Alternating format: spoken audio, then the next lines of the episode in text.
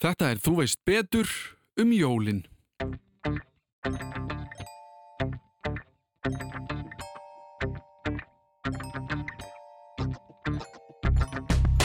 Þeir sem ekki áttu annað til þess að hafa til jóla og setja í súpuna, þeir gáta alltjent haft á villibráð að veiða rjúbu. Þorlakur er náttúrulega dýrlingur okkar í slýtinga. Gríl átti 100 börn og af þeim áttun jólasveinana sem að hafðu ímisnöfn. Nú eru jólin á næsta leiti, í raun bara fimm dagar þá við setjum sniður, borðum góðan mat og opnum pakka vonandi umkringd okkar besta fólki. En ég hef oft veldi fyrir mér hvaðan allar þessar hefðir koma. Skata á þorlóksmessu, aðfangadagsmatur sem fyrir mig var alltaf hambúrgarryggur og auðvitað stærsta spurningin, hverjir eru þessir jólasveinar og hvaðan koma þeir eiginlega? Hún Jóna Simónia, sagfræðingur, kom til mín í heimsók og við rættum þessi mál en við byrjum á kynningu frá viðmælandarum sjálfum.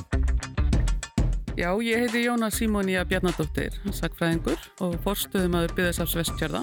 Ég hef mjög lengi haft áhuga fyrir jólunum, mikið jólabar og það er kannski svolítið þannig að ég hef haft áhuga fyrir bara gleði af skamdeginu, bara yfir höfuð, frá því mann eftir mér. Skemmtilegt í myrkrunu.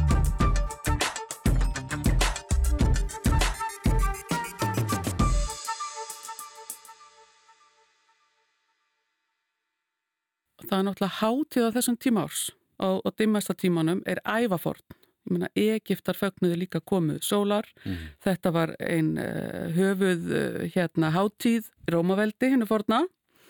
Þannig að, að hér á norðurkvölinu er þetta mjög forn hátíð og það var þannig á norðurlöndum kallaðast hún jól.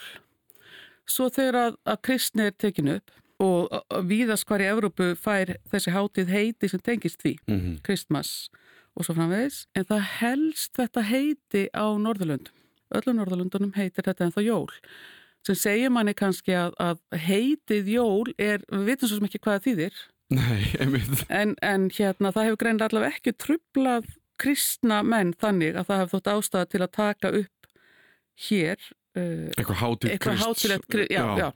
Uh, sem gerir þetta svona áhugavert. Þetta sem sem menn gíska að þetta sé kannski tekið af einhverju mánaðarheiti sem var sem sem um þetta leiti sem menn voru að halda þess að mísvetrar hátíð. En uh, það er bara svolítið gaman sko. Mm. og þetta er líka heiti í finsku finnar nota sama heiti. Þannig að öllum, öllum Norrlundunum tölum við um jól. Einmitt. Og við erum ein eiginlega um það. Já, það er til í ennsku, júl Já En uh, ég held að við séum einum það að hafa haldið þessu forna heiti. En sko, af því að þú, þú segir við tökum upp kristni mm -hmm. og sér eru við lúðfersk. Mm -hmm. Er innan þess mm. einhvers konar leiðbynningar um hvernig eigi að halda kristin jól? Förum við þá, eða þú veist, já, þú veist, hefur það áhrif á það hvernig við höldum jól bara upp á það að í kristnu dagartali er messa á aðfangadag, -hmm. eða eitthvað svoleiðis? Mhm, mhm. Framanaf er breytingin lítil og við þekkjum þetta náttúrulega. Það, það hérna, er tekin upp einhver ný síður, það fylgir alltaf einhvað snúr gamla síðunum áfram og þannig til dæmis þegar við tökum kristnina að þá höldum við áfram sko veistlum, mm. miklum veistlum um jól og drekkum áfram jól. Þegar þú segir að drekka jól, Já. Er það bara, er það að segja við förum bara fyllir í á jólunum? Já, eða svona, það var, það var hérna, ég vil segja þetta voru svona uh, mikla veistlur í mat og drikk. Já og það var náttúrulega þannig hér áður var alltaf bruggað til jóla haft ölum jól og, og hérna og svo vín og þetta týðkast náttúrulega sérstaklega meðal höfðingja á miðöldum en það sem að bætist við er kannski að það kemst svona festaði sanduði messuhald Úst, á messa klukkan 6 og á messa klukkan 12 og svo framvegs. Og við förum kannski þá að tengja þetta við Jésu, eða söguna af Jésu. Já. Já, það er náttúrulega þannig hérna að við hefum ekki hugmyndum hvernig Jésu fættist. Mm -hmm. Allavega er nokkur ljóst að það hafi ekki verið hýrðar á Betlehemsvöllum um hávetur í desember, en það getur snjóað þarna á þeim mm -hmm. tíma. Að hann hefur nú trúlega fæst voru eða sumri, miða við lýsingar þegar biblíunum sé það rétt. Mm -hmm. Það er hvað, 300, árið 354 eitthvað svolítið sem að fyrst er bara sagt að 25. desember sé fæðingadagur Jésu. Ekki 2004? Nei, 2050 er fæðingadagurinn. Við, sko, 2004 er aðfangadagur Jóla. Þannig að við höfum heilagt, sko, hérna, aðfangadag frá 6. Mm -hmm. Þá hefst helgi Jóla, en Jésu á ekki að hafa fæst fyrir 25. desember og það er víðast hvar jólat sko aðal dagurinn. Ég, það var einmitt það sem ég var sko eiginlega pæli þegar þú varst að tala um þetta varandi hefðir og Já, svoleiðis. já, Að því náttúrulega í bandaríkjanum þá er aðfangandagur ekki jafn merkilegur og hér sko. nei. Og fæst, sko, víðast í Evrópu er það þannig að aðfangadagurinn er eins konar þóllagsmessan okkar. Mm En þetta er svona misjamt eftir löndum. En, af, En hjá já. okkur verður heilagt klukkan 6 á aðfangadag. Ég held að það tengist að einhverju leiti sko messugjörð frá fornufari. Þa, það var heilagt klukkan 6 að aðfara nótt þessa dags að því það var þessi messa 6 og svo aftur á miðnætti. Og þú fókst að messu hérna, klukkan 6 og svo fókstu aftur í miðnættur messu. Og ég held að það sé ástæðan fyrir þessu hjá okkur kannski það sé einhver önnur skýrings en, en, en hérna þetta hafði fyrst og fremst með það að gera hvenar menn töldu að það yrði heilagt með það í aðdraganda fæðingu Jésu og það er náttúrulega þannig að, að eins og þú veist, jólasetnin er að koma með gjafirnar mm aðfarar nótt hérna Jóla. Jóla. Og það er hinn helga nótt já, einmitt. er En sko það er það sem ég finnst aldrei, sko, það er náttúrulega það sem er áhugavert að þetta er svona sammeili hátil um allan heim mm sem er samt mismunandi. Við erum einhvern veginn að leggja áherslu á mismunandi tímapunta innan Já. þessarar hátíðar já, en við erum alls sammála um að hún er svona cirka þarna já, eins og Þorláksmessa, mm skatan Mhm. ef við til dæmis förum bara í það Mhm. sem var eitthvað sem ég hef aldrei skilið Mhm. af því mér finnst engin annar ekkert annað land gera þetta nei, súhefð, já er hún bara skild þorranum? Eða þú veist, af því að mér líður þetta sé sko. svipað eitthvað, þetta er allt Já. eitthvað kæst og Sko málið er að, að, að Þorlákur er náttúrulega dýrlingur okkar íslendinga og hann var mikil dýrlingur hér í katholsku Mhm. Og, og svo tökum þessa pólitíska ákvörðun að skipta um sið en Þorlákur svona helst svolítið inni. Og það, Sem... Sagan af Þorláki er bara við, þú veist, og hann er, ef við förum bara kannski að því að hann þú segir hann sé dýrlingur Mhm, okkar, mhm. eru fleiri dýrlingar? Er, er, er hann, Nei, sko hann er eini íslenski já, dýrlingurinn. já, Og, og Þorláks, sko messudagur hans er 23. Uh, messudagarnir eru þegar þeir deyja, mm Mhm. því það skiptir meira máli hvenar dýrlingur deyr heldur en fæðist, eins og Mhm. með Jésu. Uppalega var það þannig að miklu merkilegra og það skiptir meira máli að vita hvenar hann dó fyrir Mhm. okkur, heldur en fæðingadagurinn. Og hérna, hann er að, að Þorláksmessan eða þessi sko, uh, hún helst alveg lifir þessi síðskipti og svo er þetta líka dagurinn sem að hérna fólk er að ljúka undirbúningu jóla og í gamla bara íslenska bandasamfélaginu sem var svona, hvað segir, fátækt samfélag þar sem jólin voru mjög dýrleg af því þá gerðuru sem mest við í mat og drikk mhm, þú lístur upp bæinn, það var þessi mikla helgi. Og þá var þorláksmessan dagurinn sem þú hafðir einmitt eitthvað sko, ég segi ekki að maður segi vond í matinn en þú hafðir eitthvað svona sem að var frekar kannski lélegt, þú hafði kannski mitt fisk eða í, á, á Vesturlandi var það með þessi kestaskata og hérna eða þú söðst skreið í hangiflotinu. Mhm, en þetta var dagurinn sem þú undirbjóst allt til jólanú, söðst hangikjötið þú slátraði kannski kindinni sem átt að vera í, í, í kjötsúpuna.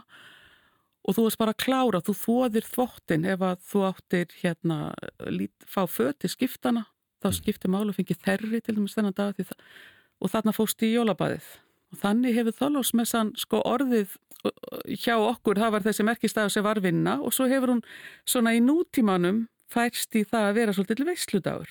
já, bara skötu veislur Það eru og eitthvað. skötuveislur haldnar, já, og fólk fyrir gjarnan hópast, eh, kom, kemur, koma stóru hópa saman í skötuveislu eða, eða einhvers konar annars konar veislu og þú ert að klára jólaengaup og þessi stemming Mhm, og jólaglögg og eitthvað svona. Einmitt, og það, þess vegna sko nefndi ég þorrana því mér Mm. fannst þetta að vera sko þú veist, það er þetta að þú ert með eitthvað kæst og síðan með kannski eitthvað brennivín eða ekki Mhm. kannski brennivín en eitthvað svona ágavíti eitthvað Aha. niður þannig og við erum náttúrulega hálf dönsk Jú, jú, þú veist, þannig að hvað kemur þaðan Mhm. eitthvað svona, einhver jólaglöggur og júlefrókost og Mhm. smörrebröð jú, og jú, eitthvað og, og akkurat. þannig að þetta samblandast allt í einhvern svona smá pott Já. en einmitt sko skatana sko, skötuna hef ég aldrei skilja því ég veit ekki hvað hún kemur Já. en það er kannski að Herri, við erum eins og skötu, ef við ekki að hafa hana bara einna því við erum að einbytta okkur að því að elda og ekki græja fyrir morgundaginn. Já, sko, það er náttúrulega skatan er hérna bara gammal matur Mm -hmm. sem að er hérna kjæst upp á þessa vísu, bara svona sipa og gert var við svo sem ímislegt annað. Já, já. Sko vestlendingar og það, ég held að sé kannski fyrst og fremst það að hún þessi tindabikja Mhm. sem að allavega vestfinningar yfirleitt borða, hún gengdin á henni var þarna að uh, sko þennan vetur fyrir Já, og hún var þá að koma í, í hérna veiðina sko. Já, bara óvart. Uh, já, svo leiði sko Já. og, það er svona hennar tími kannski svolítið og þá var hún tekin og, og kæst og, og hún þótti þá kannski eh, í rauninni mjög góður matur til að hafa á þálagsmessu Mm. Að þá borðaður fiskinn eða eitthvað slíkt af því að svo kom dásendin daginn eftir Já, í formi kjötsúpu af, af nýslátruðu og svo bara svo sem þessum hefðbundna íslenska mat en, en rífilega skamtaður. já. Þú varst að leifa þér, þú varst að, þú Já, veist, já, fólk, fólk var daldið þetta, jafnvel þóttu kannski áttir ekki mikið milli handana, þá varstu, þá voru allir einhvern veginn að reyna að, Að reyna, gera já. þetta. Já, Já, og það, sko það að hafa mat og kannski kaffi, kannski smá brennivín ef, ef að þess var kostur, en það tjálta öllu því besta sem til var og það var gert á, á aðfangadagskvöld. Mhm. Það er náttúrulega eitt. Við tölum um aðventu núna, að þú veist að tala um dönsku síðina. Og sko, íslenska heitið aðventu er jólafasta. Við tölum um hérna áður, þá var talað um jólaföstuna. Sem þessar fjóru sunnudaga fram að já, það. já, sem voru þessi tími og hann fór mikið til í það að undirbúa allskinn sem að þurfti til jóla og menn að þurfti að steipa kertin, við vorum samfélag sem að uh, það var ekki hlupi í næstu búð. Nei, nei, það var farið í 12 og- já, já, bara það sem hægt var að verka. Og, og, og jólafastan fó, í henni fólst náttúrulega að spara við sig kannski í mat og drikk fram að jólum. Og þetta var mjög mikil sko vinnuharka á þessum tíma. Mhm. Sem, sem fyrir svo sem eins og kannski bara segjum 200 ár eitthvað slíkt. En í setni tíð og ég veit nú ekki alveg hvenar það fór að koma með þetta, þessa aðvendu og þessi við þekkjum núna, smurbröðið, að hafa þessi þennan jólafrókust og eitthvað svona. Það er alveg bara mjög nýtt inn í okkar. Já, er það ekki? Jóla, það er pínuð það sem við erum eitthvað, helvið, Danir er að gera þetta, þetta Já, virkar já, var skemmtilegt. svona, já, svona júlihyggju, Já, það eru við að taka þaðan og bara mjög nýlega, ég menna þetta var ekki, sko þegar ég er krakki, ég fætt 1965 mm. Og ég var bara orðin fullorðin fyrst er ég mann eftir að hafa séð svona ég um jólasmörbröð ég meina, ég fættur 1986 Já. og ég man ekki eftir því á, á, í aðvendu að það hafi en mér fannst það alltaf ekki, þú veist, að það sé eitthvað það langt síðan en ég upplýði heldur ekki mér fannst ég næstu því þegar ég var bara kannski að verða úlingur Mhm. mentaskóla mm þá fannst mér einhvern veginn allt í var vera miklu meira af júlefrókost og einhver ágavíti og Já, veist, já. eitthvað svona, eitthvað svona dönskum siðum já, já, sko. þessi jólaglögg. Já, jólaklögg sem var til mikill að vandraða fyrst þegar hún kom. Já, en það var einmitt sko, einmitt þetta og ég veit ekki, kannski var það bara herðið, þetta er búið að vera hérna þessi hefð fyrir að þetta sé mynd aldrei erfitt. Mm við séum aldrei bara að undibú okkur Mhm. og sapna fyrir jólin herrið, Danir eru ekkert svona, þeir eru bara eitthvað júlihugga og Já, það er já. næs og stemning og eitthvað, ekki bara miklu frekar að gera þetta já, þannig já, hú veist við, við, við svona, og þá var fólk líka að fara fara út Já. svona á, þessum tíma og kynist bara þessu og þe- þetta er bara tekið Mhm. hérna inn með bara vúr Já. og er núna bara fastur er- órjúvanlegur hluti af okkar jólahefðum í, í dag Já, mér langar til að tala um kannski jólasveinuna og, og Mhm. þetta en, en ég, bara að- meðan ég man að því þú nefndir sko kjötsúp Já. sem er náttúrulega kannski eðlilegt mm -hmm, að jólamaturinn okkar hafi verið mestmengnis byggður á lambakjöti mm en ég elst upp við að borða hambúrgarhrygg aha. og mjög margir í kringum mig mm alast upp við það -hmm. sem er svínakjött hvaðan, að því að sko kjötsúpa er ekki jólalegasti matur sem ég veit um og kannski ekki margir aðrir eða ég veit það ekki. Hvernig var, var maturinn okkur á aðfangadag hvernig var hann uppbyggður framanna var hann hangi kjött og kjötsúpa og eitthvað? Og uppstúf og eitthvað svoleiðis? Nei, sko. Ekki kannski uppstúf Nei, Nei. En, það, en sko það sem að er náttúrulega er að, að ef maður horfir svona aftur í miðaldir og svona fram að því að, að hvað ég var að segja, svona ástandin á Íslandi hnignar, Mm. þá voru náttúrulega halda hér mikla veislur og, það, þá var alls konar kjött og það var, voru náttúrulega svín á Íslandi hérna áður og fyrr. En hérna í þessu gamla bændarsamfélagi sem að, já, hvað maður að segja, lang, eins og langa var mínur ömur ólust upp í, uh, þá er það þannig, það er í raun eh, sko, fólk er fyrst og fremst það er með hérna kýr og það er með kindur og til jólan, ég menna það voru hlóðaeldús Hló, og hlóða eldús já, ég veit ekki hvað það þýðir Nei, það er sem, sem í rauninni bara opin eldur ég bara hlaðin það er bara, já, það Já. er bara, sko, þú veist það bara, þetta var hlaður grjótu og torfi og svo bara opin eldur. Það voru ekki komnar í rauninni sko eldavélar. Og hvað gastu gert á hlóðum, þú gast soðið Mhm. og, og þú gast steikt. Þannig að, það er að segja steikt brauð, nei, okkar steikt brauð. Og, Mm. og veist, þannig að, að, að í grunninn var bara maturinn á Íslandi, það var það sem þú gast gert á hlóðum. Þú söðst kjötmeti Mhm. og hvernig gastu gemta. Framan af var salt uh, sjálfgeft, þannig að þú settir það í súr, það var okkar mm Mhm. aðferði við að gema og þú reyktir það. Já. Og hangikjöt er til dæmis, ég held að hugsa, það sem að Mm. sé elst, það elsta sem við höfum í jólamatinn er hangikjötið. Það er mjög gamalt í Já. íslensku matarhefð. En, en hérna þannig að, að hvað gastu svo þegar eins og jólum, þú vildir gera vel, þú varst alla jafna að borða það sem við kallum rúkökur og hveitikökur eða svona flatbrauð, Mhm. harðfisk og smjör og svo súrmat, þannig að bara íslenska mat og, og haustin fyrstu kannski nýtt slátur og hvað gerður þú vel við það á jólum? Þú, þú bakar kannski eitthvað fýtna brauð sem var samt yfirlt alltaf flatbrauð, eitthvað sem þú gast bakað á hlóðum, Já. stektir kleinur og hérna, En eins og steikja kleinur, Já. það eru djúbstektar. það, já, þær eru stektar bara í tólk, Já, það gastu gert á hlóðum, já, sko. Þá bara varst að steikja bara kleinur úr tólki Já, í potti. já. já. Hveiti var náttúrulega ekki algengt, sko, þannig að hérna, kornmeti var frekar rýrt. Mhm. En hvernig fegstu mest út úr matnum, það var nú til dæmis að gera súpu. Og þeir sem áttu kind uh, aflögu slátturuðu henni til jóla til að hafa nýtt kjött Mhm. sem var þá sett í súpu með byggi eða einhverju kortmeti. Við notum kortmeti mikið í grauta, því þannig nýttist það best. Já, já. Og hérna, þeir sem, það fættist kálfur rétt fyrir jól, þá var hann gjarnan settur í súpuna. Kálfur? þe- Já. Í kjötsúpu? Í kjötsúpu. Já.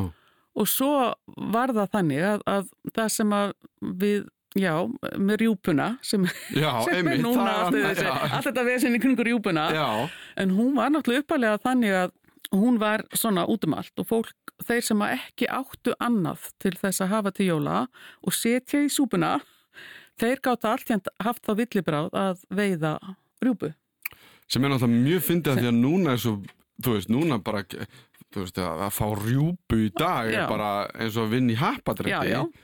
En þarna var það eiginlega bara að þú áttur ekkert annað. Já, já, þá fegstu þá gastu, rjúpu. þá gastu nælt þér í Já. allavega til að hafa nýtt kjött í jólamatinn. Svo náttúrulega breytist þetta og það, það koma svona eldavélar, þú veist, það koma þessar kóla eldavélar og eitthvað svona og þá, þá breytist þetta og fer svona í það átt sem við þekkjum. Það er að segja, þá gastu farið að, þá kom lambalærið Mhm. og lambarhyggurinn með brúnnisósu og kartöblum og við fyrir líka svona baka meira. Já, Um tíma var það þannig að það var mest allt hérna, þú veist, það voru mikil bakstusjól, alltaf terturnar og svona. já, Og svo bara batnaði það að kom ramagn og það komi betra eldavélar og, þá eru við einfallega bara að bæta í þetta. En eins og svínakjötið, af því að það er nefnilega tölum svo oft um hvað er hefðbundin jólamatur og hambúrgarryggur. Svínakjöt, allir það sé ekki bara fyrst að verða svona berast til landsins um 1930 og er það kannski algengt uh, um stríð, sko, setna Mhm. stríð. og er það danst? Danst, Já. já. Það eru danir sem að koma með þann Það er sig. rosa danst einhvern veginn finnst manni. Já, já. Að því svín höfðu bara almennt, voru ekki almennt rektuð á Íslandi. Mm En það, þetta kemur frá Danmörku, kemur dönum til Íslands. Já, Svolítið og lífandi jólatrí. Sem já, er svolítið líka síður sem þeir koma með hingað. Þannig að hambúrgararrykkurinn hefðbundni er Já. nú bara til til að nýlur. En eins og jólatinn, að þú nefndir, þú, þú ert alltaf bara að fara að nefna fleira og fleira Mm. Hluti sem ég er að fara að segja, heyrðu, ok, býttu en, Já. þú segir lifandi jólatrí. Vorum við með jólatrí áður fyrir Já. þessi jólatrí bara yfir höfuð? Mm Af því að það, það verist til dæmis vera gegnum gangandi sama hverja trúar eða sem sagt hvort þú sért innan katholsku eitthvað, þe- þetta grenitré eða, eða hvað er það, greni að fura? Nei, ekki fura, nei nei, þetta, það er yfirleitt, við, á Íslandi er það yfirleitt normansþinur eða rauðgreni. Já, Sko það hefur með þetta sígræna að gera og hérna lífið. mm og þessi endurnýjun, þú veist, sígrænt tré. Og, og það er mjög gamall í rauninni, það tengis líka bara fornum hefðum sem að, að er svo tekið inn uh, í bara menn halda áfram sko og tengja svo inn í kristnina eins og með svo margt sko. og við erum í raun bara að taka tvo, skulum kannski ekki segja alveg aðskilda hluti Mm, og samina það já, Við erum að segja að veist, þetta er jólin okkar, sem er Kristín jól, Já. okkur langar ennþá að hafa jólatrið mm -hmm. og höfum það bara með. Já, ég menna, þú veist, svona, þetta sígræn er svolítið táknum lífið, mm -hmm. sett. Mm -hmm. Það sem er sígrænt líkaði veturinn þegar að sólinn er ekki já. og kallt og allt þetta. Þannig að, að Já, ég menna þannig gengur þetta fyrir sig. Eitt er að þú tekur pólitíska ákverðin um að skipta um trú annað er að, að þú hefur svolítið erfitt að, að gera það bara að sé svona mm -hmm. þess vegna eru jólinn 25. desember því þá heldur rómverjar sína helstu hátíð hvað gerur þau ákveður að taka upp trú í heilu ríki notar náttúrulega gamla hátíðstæðana þess er 25. desember mm -hmm. og það er sem er jólatrið að það svona það er rauninni bara tekið inn hjá okkur og svo eigsta sko tímum lútes að verður svona þetta tán kemur sko í, í Þískalandi svolítið öflugt inn og berst þaðan Danmörku og svo mm. til okkar. En á Íslandi voru náttúrulega ekki skóar. Þannig að þegar að Íslandinga fara að hafa jólatrið, sko hinn sönnu íslensku jólatrið eru heima smíðu spýtutriðin. Því að húst, við sjáum náttúrulega myndar að þessi blöðum og svona, hvernig græju við þá að hafa þetta, við bara smíðum það. Mm -hmm.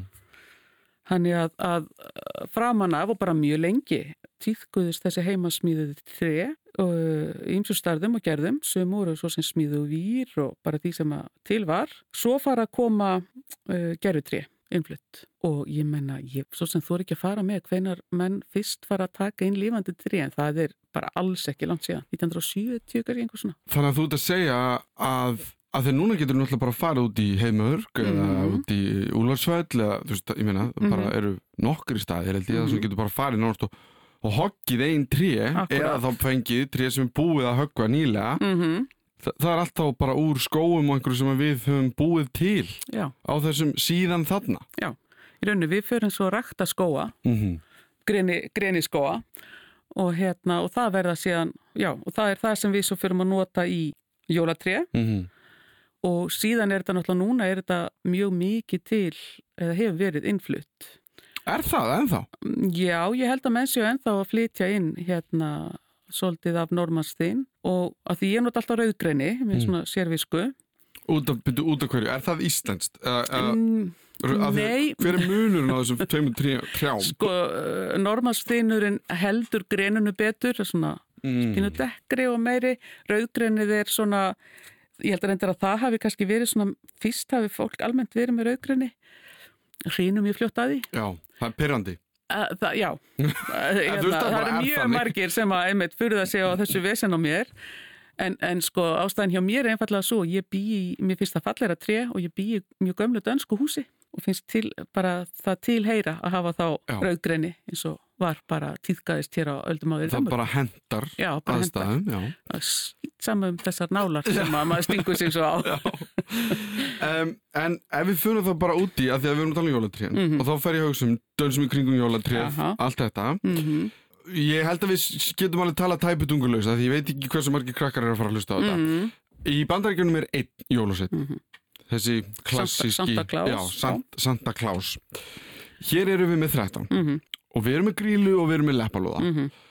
og einhver staðar frá kemur þetta lif mm -hmm. og hvaðan er það? Er þetta þjóðsugur sem við veist, færum inn í þessa háttíð og segjum hver er vísirinn af þessu fólki og voru þau til áður en við byrjum að halda þessi jól? Já, eskar minn, gríla er, er mjög gömul hennar er getið uh, í fornum heimildum mm -hmm. hann er að gríla, hún er reyndar ekki kend við jól fyrir en bara á, ég held á 17. öld fyrst sem hún er nefnd í því samhengi og hún eigi þá sko sinni sem eru jólasveinar mm -hmm. Þannig að það er kannski ekki svo gammalt en þetta hiski allt sko er ævafort í, í, á Íslandi og íslenskri trú en ég held að það sem að gerist sko með þú veist, ef þú hugsaður þetta bara líka í samhenginu með þennan dimmasta tíma ársins mm -hmm. þetta líður náttúrulega ljósfælið það vil vera á ferðinni myrkrinu það er eitthvað að, að pukrast, já. Já. og hérna þannig að, að eðlilega eru þau kannski mest á ferð í svartasta skamdeginu sem mm. er það tíminn hann fyrir jól og svo líka það að þetta líð átt náttúrulega þau voru geta mannakjöt og, og allt þetta sko við erum líka að hafa einna mestum hönd á þessum tíma á jólum Já, bara við erum með mest á milli handana. Já, Já. þú veist, við erum að gera okkur sem mest í mat og drikk. Mm. Og hérna, uh, jólasveinarnir voru þekkti fyrir það, þeir voru að koma til byggða og rekja fólk og einhvers og ásældust ímislegt. Mhm. Þeir voru náttúrulega líka sækjast í það að borða. Mm. -hmm. Kertasnýkir, hann var ekki að stela kertunum til þess að kveikja á þeim, hann, til að geta þau. Þeir náttúrulega voru úr tólk. Já, er það? Já, veist, þannig að þetta er svona lið sem að, og ég menna þegar þú hugsaður um þá jólasina sem við höfum í dag, sem var tilviljun, hverjir urðu ofan á, um, helgast að því að, að, að þegar að Jón er að taka saman þjóðsögurnar, þá er fyrsta heftið sem að kemur út hjá honum, þar eru þessi 13 jólasina sem við þekkjum í dag. Það er fyrsta romsan af jólasveinum. En þeir eru miklu fleiri. Þeir eru miklu fleiri, gríl átti 100 börn. Og af þeim áttun jólasveinana sem að hafðu ímisnöfn eftir landslutum. Þannig að hérna fyrsta heftið hjá Jóni sem kemur út, þar er þessi þula af þessum 13 seinir sem við þekkjum í dag. Og, og bara svo við útskýrum alveg Jón bara Sigursson. Nei, Jón hérna Jón Arnarsson. Jón Já. meina ég. Já, Jón Sigursson, nei. já. Jón Arnarsson, hann sapnar sem er þjóðsagnasafnari og hann fer um allt land og hann sapnar þessu öllu saman. En þetta atvikast svona. Stekkjastaur, Giljagaur og þeir, það er fyrsta rónsansi fyrir fyrsta heftið. En svo í setna heftum kemur sem sem hann var búin að sapna þessu öllu landinu og það er náttúrulega fjölmörg nöfn til á jólasveinum eftir því hvað er þú bjóst. Lúnaslettir. Lúnaslettir. Það var til dæmis fyrir vestan. Það hérna- hljómar ekki vel. Nei. En af hverju var þetta líka svona hræðilegt? Sko, Þú veist, af hverju, já, einmitt, af hverju er þetta, þú veist, jólasendin eru að pukrast, þeir eru í myrkrinu, þeir eru að stela, þeir eru mannakjöt, þú veist, gríla, leppalúði er einhvern veginn alltaf eins og einhver stein og olli hann einhver starf hliðinni sem enginn þekkir alveg nógu Mhm, vel mhm. en hann er grílar, já, þú veist, hann, já, já. Sko, Gríla var náttúrulega þrígift. hún var þrígift. Já, og hún átt allavega eitt manna sinna og síðast eigin maður hennar er, er sem sem leppalúði og hann er sáður pappi jólasveinana. En það sem að sko er að hún, sem sem hún á í heilt hundraböld sem er náttúrulega tröllaböld og af þeim eru svo jólasveinar sem eru þá sérstaklega á ferð akkurat í kringum jól. Og það er alveg greinlegt, ég menna þegar þú hugsar út í hérna mm, samt heitin og það sem þeir voru að gera þá, þá bendir samt, það samt til þess að þeir hafa verið sko á ferð á ýmsum tímum Ekki, heitin tengjast ekkert endilega öll einhvern veginn jólu með því sem var verið að barðusa í kringum jól. Mhm. En hérna, og þetta var, hefur öruglega verið notað uh, svona til þess að hræða fólk, halda fólki kannski að vinnu til dæmis Mhm. uh, á jólaföstu. Og það meiri segja, eru, það er til tilskipun um það að það sé bannað að hræða fólk með jólaseinum og, og hérna sem segja manni að það, það virðist það verið gert. Já, bara í einhverjum tilgangi sem við kannski vitum ekki Já, alveg svona- nákvæmlega hver Nei, er. en svona kannski með að halda fólki svolítið að vinnu. Ég meina Já. ef þú, eða ef þú gerðir ekki, það var eins og með sko jólakötturinn. Já, hvað er hann? Sko jólakötturinn er nú trúlega afsprengi hérna sko heila snikulásar sem er upphafið á jólasveinu. Svo að biskup á svæði sem að núna tilheri Tyrklandi og hann verður heilagamæður, verndari sjófarenda og batna Mm. Og sérstakur batnavinnur þegar framísækir. Og hérna, honum fylgdu engill og djöfull.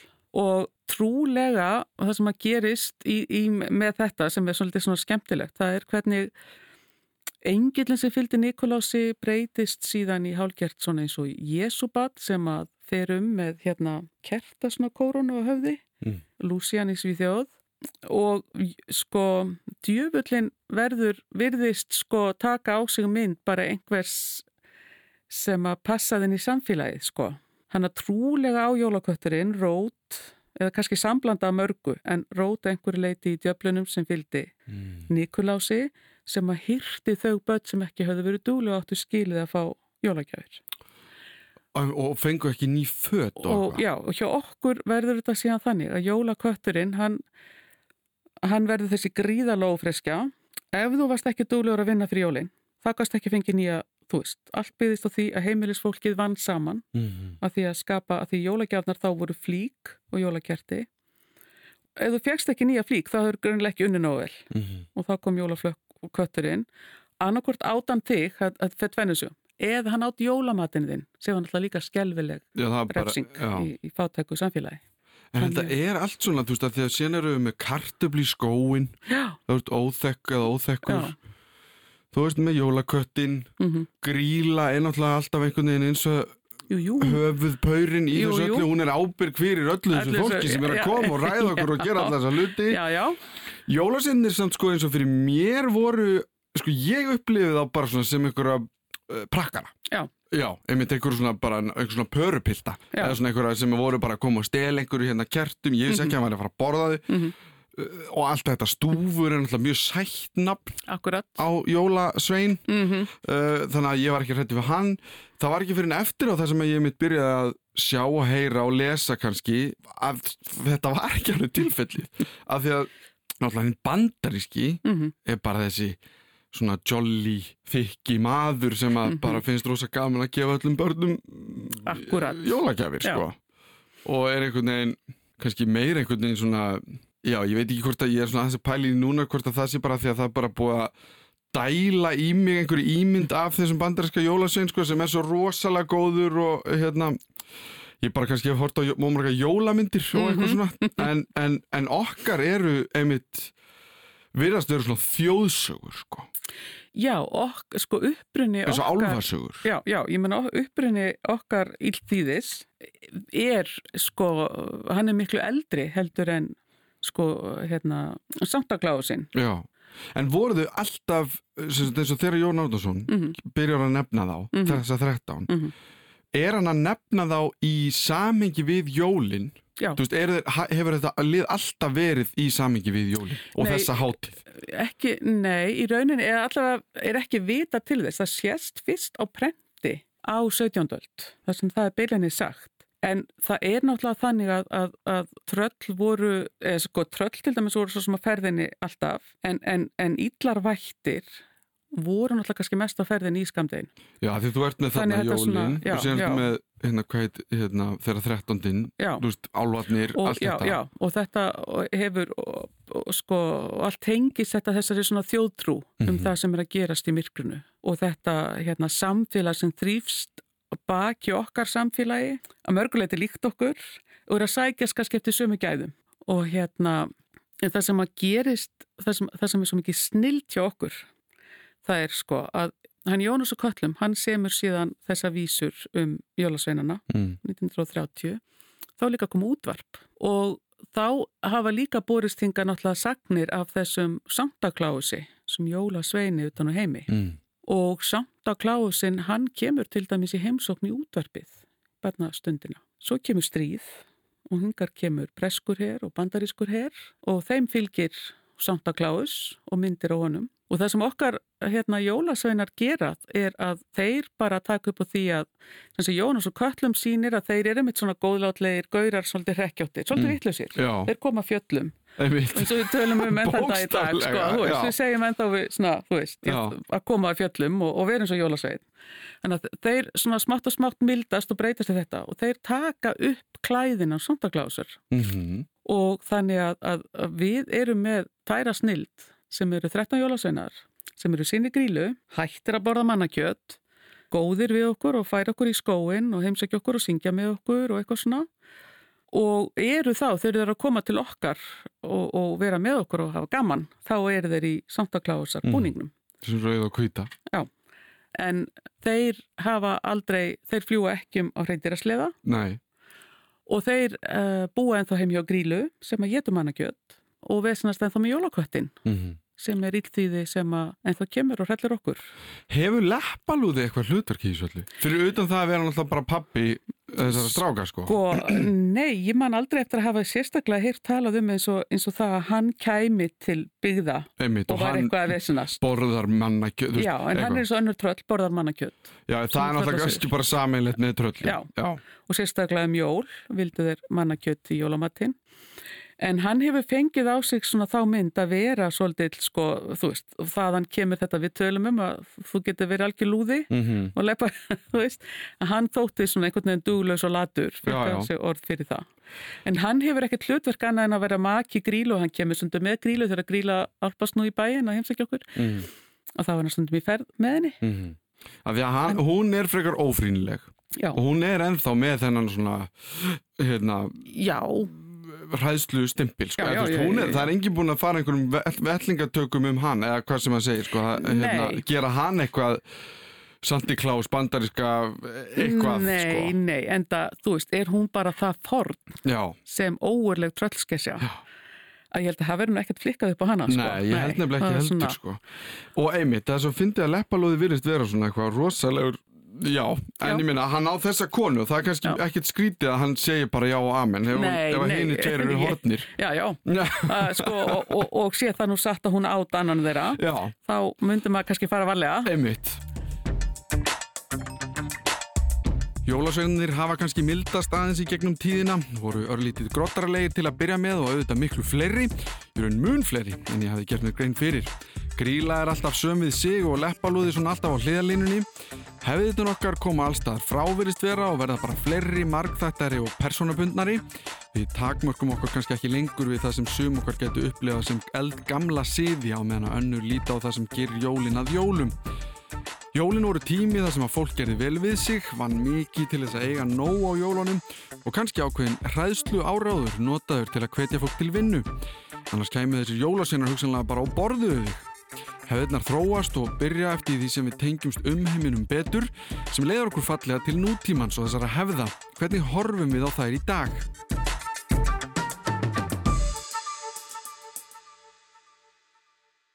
Sko, það, það er nú svolítið fyndið sko með þetta því að, að þegar að við erum svona, sem, svona samt spurð út í jólin og Mm. jól barnaskunar eitthvað svona þá, þá er þetta svolítið þannig að við upplifum að jólin snúist um svolítið mikið um hefðir og það er ennþá þannig víða að það er alltaf sama í jólamatinn þó, það hefði breyst töluvert sko í setni tíð Mm -hmm. en þá eru fjölmörg heimil ennþá sem að hafa alltaf það sama í jólamatinn baka alltaf laufabröð það að koma saman og baka laufabröð til dæmis hefð. Og einhver svona, en það sem að mér finnst svolítið leiðilegt með jólaföstuna, það sem að hefur verið að gerast og það er einmitt þessi, þessi óbáslega markasvæðing sem er náttúrulega að komað utan. Þetta fylgir eðlilega bara bættri eh, hérna Bara stöðu okkar, markas, já, já, við, hérna, við höfum það betra og getum veitt okkur meira og við erum náttúrulega höfum alltaf verið að flytja einhvern inn sko að síðum hérna og þaðan, nú bara er komin bein lína og þetta Mhm. er bara að tekið beint, beint inn margir sem til dæmis halda þakkagjörðar Mhm. áltíð Sem ég segi, þú veist, það er ekkert að því. nei, nei, nei, bara nei, nei, það sko. er bara, En, en, sko, þú veist En En af hverju halda þau þakkagjöra hátíðina? Þú veist, þetta er svona pínu, það sem ég pæli í er, eru við bara að halda þakkagjöra hátíða því okkur finnst kalkut góður? já, ég Á meina við meðan að hefðirnar úti eru kannski allt, allt öðru sér af hverju þakkagjöra Já, hátíðin er já. haldin. Það er náttúrulega, við höfum ekki ástæð til að halda þakkagjörða hátíð, sko, eh, hérna, eins og, eins og bandaríkjumenn, sko, Nei. af því að, að, já, af því þar tengist það náttúrulega þessu með, hérna, landnefnana sem voru að koma hana. En ég held að fólk sé bara, fólki finnst oft gaman að taka eitthvað svona nýtt upp, alveg eins og smörbröðið, jólalhaðborðin og einhvað svona, sem að mér finnst reynda svo að hafa skilað sig í, í því að, að jólafastan, hún er orðin hálgjör geðviki. Mm Sko, það er svo mikið um að vera. Það eru allir jólatónleikarnir, það eru allir jólalhaðborðin, það er svo óbúslega mikið sett á þetta og svo allir sem markað setning og öllu því sem við þurfum endilega að hafa til jóla -hmm. eða eiga eða gefi jólagjafir. Þannig að, að það sem að áður var tíminn sem átti bara að vera sko að undibúa hátíðina eða þá bara kósi, bara gott eins og þetta með júlihyggja að, að fjölskyldan sé svona saman og hafa notalegt, þetta fara að snúast upp í einhvern veginn að fólk er algjörlega ofgera sér Mm og þetta hefur verið svolítið mikið sko rætt finnst mér síðustu ár að, að Íslandingar sko fyrir hrun var þetta komið út í algjört æfintýri sko. Já, já. svo sljákkaði hann aðeins í þessu og mér finnst þetta svona að vera komið aftur. Ljósa mengunin náttúrulega yfirgengileg. Mm en mér finnst sko einmitt þetta svolítið það að jólahefðirnar eru þessar gömlu jólahefðir. En maður svona, sko þær eru svona smátt og smátt kannski að víkja fyrir þessu nýja og maður heyrir svona fleiri heimilum sem að til dæmis ekki hafa hangikjöt sem ég finnst bara hræðileg tilhugsun Mm af því að börnum finnst ekki hangikjötu gott og, og fólk þólir ekki svona salta mat og allt þetta. En, en það er til dæmis hefð sem hefur verið á Íslandi hundriðir ára að hafa hangikjöt á, Mhm. á jóladag með, já, pókabönum skattafyrsíslum eða uppstú eftir að menn fóru að hafa það eða, En heldur það sé af því að, af því að það er mjög auðveldið núna að, að, vera að hlusta á okkur mm. að kannski tólka þetta sem svona eitthvað við viljum ekki hafa, við viljum ekki breyta. Mm eitthvað, við viljum vera hérna áfram eins og í gamla dag eða eitthvað. Aha, sérstaklega ef að þér finnst bara gaman að hafa þakkagjör á tíð og Já, já, hafa bara hérna, hvað sem er í, í Aha. jólamatinn og, Aha. og, og hvernig sem það er.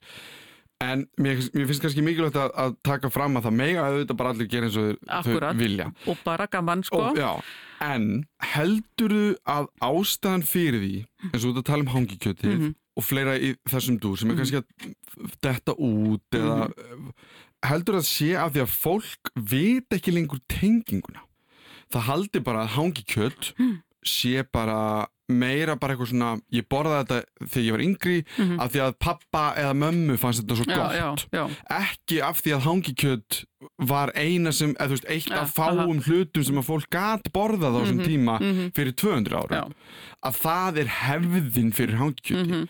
þú veist, alveg eins og bara hefðin fyrir ákveðnum jólasönnum eða jólastemningu jú, jú. Að fólk veit ekki lengur söguna Mhm. og það er, endilega, það er ekki því að kenna það er bara Nei, nei, eitthvað, það einhvern bara- veginn sem hefur sagt um hana eða eitthvað já, já, að það sé ástæðan fyrir að fólk horfur kannski bara eins og ég og hugsi þegar það hugsa um jólasveinin þá hugsa það bara um banderska já. hennan rauða þyfna sem að er á uh, hérna reyndirasleganum sko.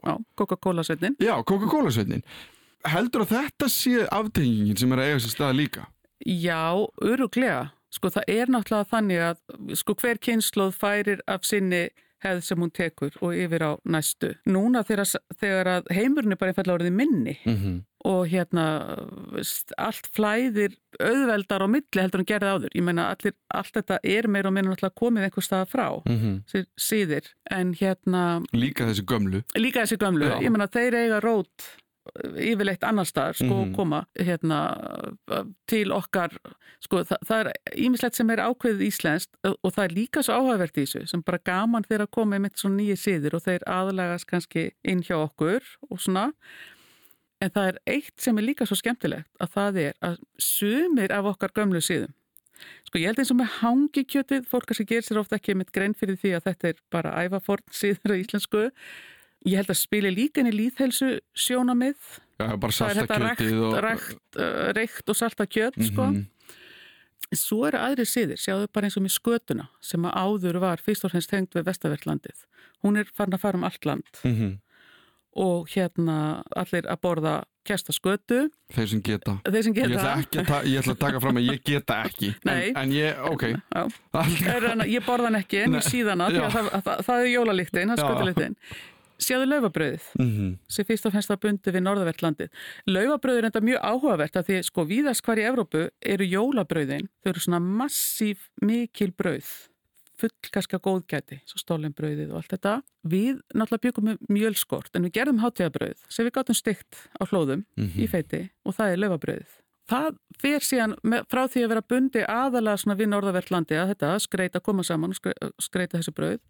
og. Nú er það líka komið um alland. Já, Svo eru aðrir síðir í svona mat sem að týðkuðust á hérna ákveðnu svæðum sem ekki hafa náð einmitt sko útbreiðslu eins og pókabönirnar sem að týðkuðust í skattafellsíslum. já, ég veit til dæmis ekki, þú nefndi það aðan, ég veit Já, ekki já. hvað það er Það eru sko gula bönir sem eru soðnar með hangikjötinu og þá færðu svona ljúfa stöppu með hangikjötsbragði. Einhver sagði mér að uppalega hefði það verið þannig að þetta gerður og sögist með hangikjötuna að borðað stöppuna á Mm. þálasmössu. Já, já, fjast á hangikjötsbræðið og hérna þessi síður er svona hefur hérna svolítið týnst skýrst hann sé, sé ekki margir sem að gera, þetta ennþá. Nei. Þeir sem ennþá gera þetta, þeir eru kannski farnir að breyta henni líka, svona, sýta rjómi í henni og alls konar. En þetta er líka bara svo skemmtilegt að það, hvernig síðir sem að áður voru kannski tengdir við ákveðna landsluta breyða svo allt í henni landum og það er svona velti fyrir sig hvað veldur, sko okkur lifir þessi en ekki einhver annar. Hérna- Er það ekki bara eitthvað, það verðist vera eitthvað lögabröð, það er frekar gott? Já, og síðan hefur bara eitthvað verið að einhver starf á Já, Norðurlandi eða eitthvað. fólk náttúrulega flutt á milli svæða. Já, eins og ég veit að, að fyrir að, vestan þá var fyrst, þetta kom fyrst með fólki sem að flutti þaðan frá á Norðurlandi. Og hver átti sinni öskrift og svona. Og svo er þetta sko, svo verður náttúrulega líka svo breyting í velmögunni, þetta er svona smákukunar sem er náttúrulega danskar nú tölum við samt um gömlu góðu íslensku smákukunar því það er náttúrulega nú er bara alls konar annað komið inn mm sem er farið að, að, að hérna, taka yfir allt það sko, gýðingakökur og vannlurringi og loftkökurnar og þetta allt. Já. En það er kemur svona inn og það fer síðan bara um landið og allir baka jólasmákökur. En er það, er einhver íslensk svona smákaka, jólakaka, eitthvað svona? Eða er það einmitt síður þessar jólasmákökur eins og þú nefndir eru bara danskar, eða þú veist? Já, ég held að, að sko okkar jólabrauðmeti var í rauninni bara flatbrauðið sko, þá veist þá kannski stórar kökur, svona hlemsur sem voru bakaðar og svo löfabrauðið Mm. og kleinur þar sem við gáttum stygt á hlóðunum Mm og hérna nú náttúrulega, ég öruglega einhverjir sem baka en þá kleinur til jóla. Já, kleinur já. voru náttúrulega svona hátíðar Já. og svo jólakakan og svo náttúrulega lagkakan. Hún er, Hún er í svona, hún kemur öruglega annars það frá en verður svona svolítið íslensk sem að vestur, sem þeir vitið til Kanada taka já, með, sér. sér. En ég held að, að þessi, þessi ég kalla íslenskar jólasmákukur, það eru bara þessar sem að komu öruglega og eru bara í þessum líka gömlu dönsku kokkabókum, sko. Mhm. Og skýðingakökurnar, vanluringir Mhm. og, og hérna, svo koma loftkökurnar setna meir. Og hérna, Og bara svona þetta, þessi við þekkjum sem, sem að bara, já, Ég held við getum öll fagnað því að fá fleiri jólakökur til að maula á yfir jólin. Við hefum kannski Danmörku nokkuð mikið að þakka en það annáluð hugge þjóð. Persónulega er ég alltaf hrifnar af þessari huggulegu stemningu frekar en æsingnum og hlaupunum en fyrir sumum er það bara það sem jólin snúast um. Hver hefur auðvitað sinn hatt? En ef við pælum aðeins í framtíðinu svona í lokin, hvernig sjáum við þessi íslensku jól þróast? sko ég held að við verðum bara alþjóðlegri. Mm -hmm. Og ég held að, að sko, þessi, þessi við köllum kaupmannsjól og þessi kaupæðisjól, þau eru ekkert að fara. Ég held að það eigi eftir að haldast inni, breytast kannski eitthvað, þannig séð að það verður meiri netverslun. Mhm. Þú veist, þú ert ekki lengur kannski að fara í bæin í jólaverslun eins og er samt ennþá gert enn dag í dag og ferð í bæin til þess að fara og vesla. Þetta verður meira nethengt. Og já, Þannig að það er ákveðin romantík sem tapast þar. já, ég, svona, já, ég held að þetta verði farið svolítið meira í þátt Mhm.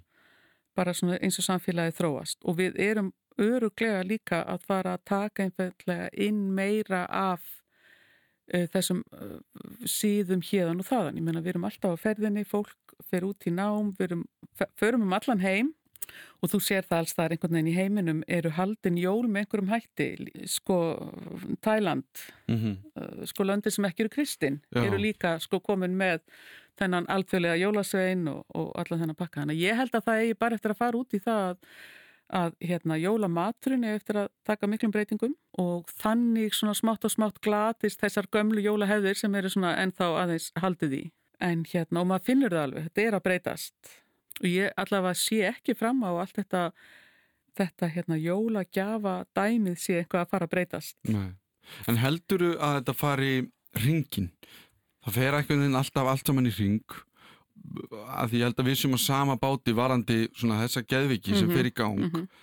að það kom einhver svona bara einhver toppur Já, þar sem allt í hennu segja, segir fólk heyrðu, þetta er um of já. þú veist við, við, og alltaf þegar það er eitthvað rosalega mikið af einhverju mhm, að þá vill fólk andstæðina Já, og þá vill fólk fara í bara herðu, mér langar til að fara í bara rólinsju, Gömlu, jólinsju af því það er það sem ég heyri líka kringum mig. Já, meira og meira. Já. bara ég get ekki þess að geðviki mhm, ég get ekki bara þetta bara ég sé stressaður Mhm. allan desember mánuð mhm, ég vil bara klára bara gjafirna sem fyrst svo ég geti bara slakað á í desember. Og áttu jól ég get ekki þessi bóð Mhm. öllsumul mhm, ég man alveg þegar ég var yngri að þá fannst mér þetta að vera stanslust bóð mhm. Fjörskildan alltaf svona að koma saman? Já og, og þú veist Svona. núna, eru, núna fer ég í þau bóð sem ég, ég vil en Mhm. þau eru svona rosalega nákomin mér Já, já, það er ekki hérna Stórfjörskildan? já eða 50 frændi hérna einhvers staðar Mhm. sem er með bóð þú veist, og sem ég fannst aldrei vera kannski þegar ég var að alast upp Mhm. sem ég fannst alltaf í lagi, ég fekk bara að borða miklu fleiri alltaf, það var alltaf góð en, en núna kannski þegar að það kemur í blandi svona þess að gjafa rugl eitthvað þá er maður bara kannski búin á því Já. þegar jólinn sjálf Akkúrat. koma heldur þetta farið líka þú veist, í þann ring Sko, ég efast ekki um að það kemur til maður að gerast. mm. Af því það sem að til dæmis hérna, í kringum hrunið, fyrir, í, hérna, fyrir hrun, þá var jólinn komin einmitt í svona óbúslega gýr. Og það sem ég fannst gerast eftir það var að það, að það slaknaði aðeins Mm -hmm. og fólk fór svona að hugsa meira og halda bara kannski svona notaleg jól. Við erum aftur svona svolítið komin, finnst mér, svona Mhm. bara mín skoðun á, á sama stað og áður. Þannig ég held að þetta eigi potjett eftir að fara þann ring að, að fara aftur í það að vera svona meira bara fjölskyldujól og rólegt og bara njóta. En ég er ekki vissum í raun sko að þetta, þetta kannski ræðst bara svolítið á því hvað fólk er tilbúið til að taka þátt í darraðadansinum með sko þrýstingin mm -hmm. af því það sem er náttúrulega það sem að sko þú sérð er það er endalust að hellast yfir þig og sko það, og maður hugsa um krakkana, auglýsingar um allt í Mhm. tengslu við jól og það er svona þrýstingur á að taka þátt svo eru bara sumir sem ákveða bara taka ekki þátt í þessu Mhm. og bara halda sínu striki með að hafa Já, og bara eins og spýtujólatrí þau fóru aftur, eh, sko urðu vinsæl og, og ég sé núna er svolítið auglýstið mitt eftir hverju er framlega spýtujólatrí og svo er ennþá aðrir bara í þeim gýra þeir skipt út öllu jólaskröti skil á hverju ári Mhm. af því það er eitt litur inn þetta er bara, þetta er Já, mjög breytt sko já Ég held um þetta að sko að því þú nefndi spýtujóla tréna á þann Mhm, og eitthvað svona að, og ég hugsaði, það var nú frekar sniðut bara að hafa þannig mm -hmm. við erum ekki að fara í þetta jóla, þú veist Já. og ég er svona, einmitt, það, það er svona virðist sko, kannski skiptast meira í hópa, eða Já, svona flokka já, já. bara, heyrðu, nei, ég vil ekki þú veist, að því að því meira sem er þrýst Já, sumir breyðast þannig við að þeir svona bara ekki að taka þátt sko. já, sem að ég held að sumir kannski sem auglýsa mikið átti sig ekki á að þetta getur orðið bara, heyrðu, ég nenni ekki að taka þátt í þessu Akkurat. Heldur við búum okkur til einhverja nýjar hefðir eða heldur þetta verði þá bara fljótandi ástand einhvern veginn þar sem allir bara hafa sín jól Nei, ég, sko ég held að við séum í raun alltaf að gera svona í raun nýjar hefðir mm. Þetta er alveg svo þegar kalkunin fór að koma. Mjög margir hafa kalkun á aðfungadag. Og það, það er þá orðin líka hefðin. Af því að hefðin var náttúrulega svolítið sko, hérna áður og fyrir þá var þetta auðvitað landslutabundið, en svona íldingar byggu kannski svo yfirleitt svona við sipi kjör eða eitthvað svona sko. Og, og það, þetta er eins og var með kuffilæði í galda, við gerum svona grína þessu. Þú veist, það var bara til einn tegund af einhverju í kuffilæginu Mhm. og það bara, það, það sem var Já, það var bara þannig en hérna, það er þessi ofgnótt í samfélagi nútímans, það held ég ekkert eftir að breytast en við sköpum nýjar hefðir alltaf eftir því sem við erum að taka líka kannski nýjar hlutin alveg eins og nú er þetta orðið hefð að hafa smörubröð og jólahlaðbór þó þetta sé bara mjög nýtt í raun í samfélaginu samt voru það áratuga gamalt að það er, það er orðið hefð Mhm. að fara á svona En þá kannski ein lokaspurning Mm. Hvaða hefð ertu minnst til í að hverfi? Ef við tölum um að við séum í hættu mm -hmm, að eitthvað af þessu hverfi mm -hmm. hvað, ertu, hvað finnst þér mikilvægast að hefðin? Þetta er erfitt Þetta er nefnilega dálítið erfitt Já, sko. ég held að ég myndi kannski einna mest sjá eftir ef að eitthvað þessum gamla jólamat myndi alveg hverfa. mm -hmm. Eins það að láta loga ljós á jólanóttu. Já, Ég er nefnilega verið að spyrjast út í það og það eru margir, ég spyr svona, lættur alltaf loga ljós? Nei, búið búið að gleyma þessu sem, að, sem alltaf var. Og það var til þess að aftur Það var uh, tengt því að, að, að ef að huldufólk væri á ferð þá var það velkom í bæn, það var ljós og láta loga ljós á jólanóttu var líka þetta var helganóttin og þá halda vættum í burtu hulda fólkið velkomið mm -hmm. það var láta loga ljós á jólanóttu sem að var eitthvað og, og hérna, já, og ég ger enn það er alltaf látið loga ljós á einu stað bara komið þeir sem koma vilja Má það vera hvernig ljóð sem er? Eða það að Já. vera kerti? nei, Eða, nei, nei, sko í, í nútímanum er það bara ramasljós Já, ok þannig að hérna, það er líka eitt siður sem að ég hefði gerna vilja að, að heldist áfram. En nú ertu búin að kenna mér hann. Já, og, Og þá mun ég þú hann láta upp, já, loga ljós akkúrat, já. Þannig að þetta er ástæðan. Þá kannski er eru fleiri sem hlusta sem hugsa ok, ég ætla að gera slíkt já, sama Nú höfum við farið aðeins yfir jólinn og vonandi eru þið einhverju vísari varandi sumar af okkar hefðum, af hverju við borðum hitt og þetta. Ég ætla að láta loga ljós á jólanóttu, mér finnst eitthvað fallegt við þá pælingu. Ég þakka Jónu Símoníu Bjarnadóttur fyrir að koma til okkar og fræða um jólinn og skal eitthvað gleðilegar hátíðar á sama tíma. Veist betur fer nú í smá frí þar sem við samennum stættinum með verbúðina á heilanum sem ég mun sjá um. En það eru íslenskir þættir sem byrja á annan í jólum eru vægast spennandi. Ég hef séð tvo þætti og get ekki beðið eftir þeim næstu. Þar mun ég fjallum allsins efni sem kemur fram í þættunum og kafa aðeins dýbra í þá. Ég þakkum leið fyrir mig, bendi á allimar.rú.is ef það er einhverja spurningar eða ábyrningar. Þetta var Þú veist betur um jólinn.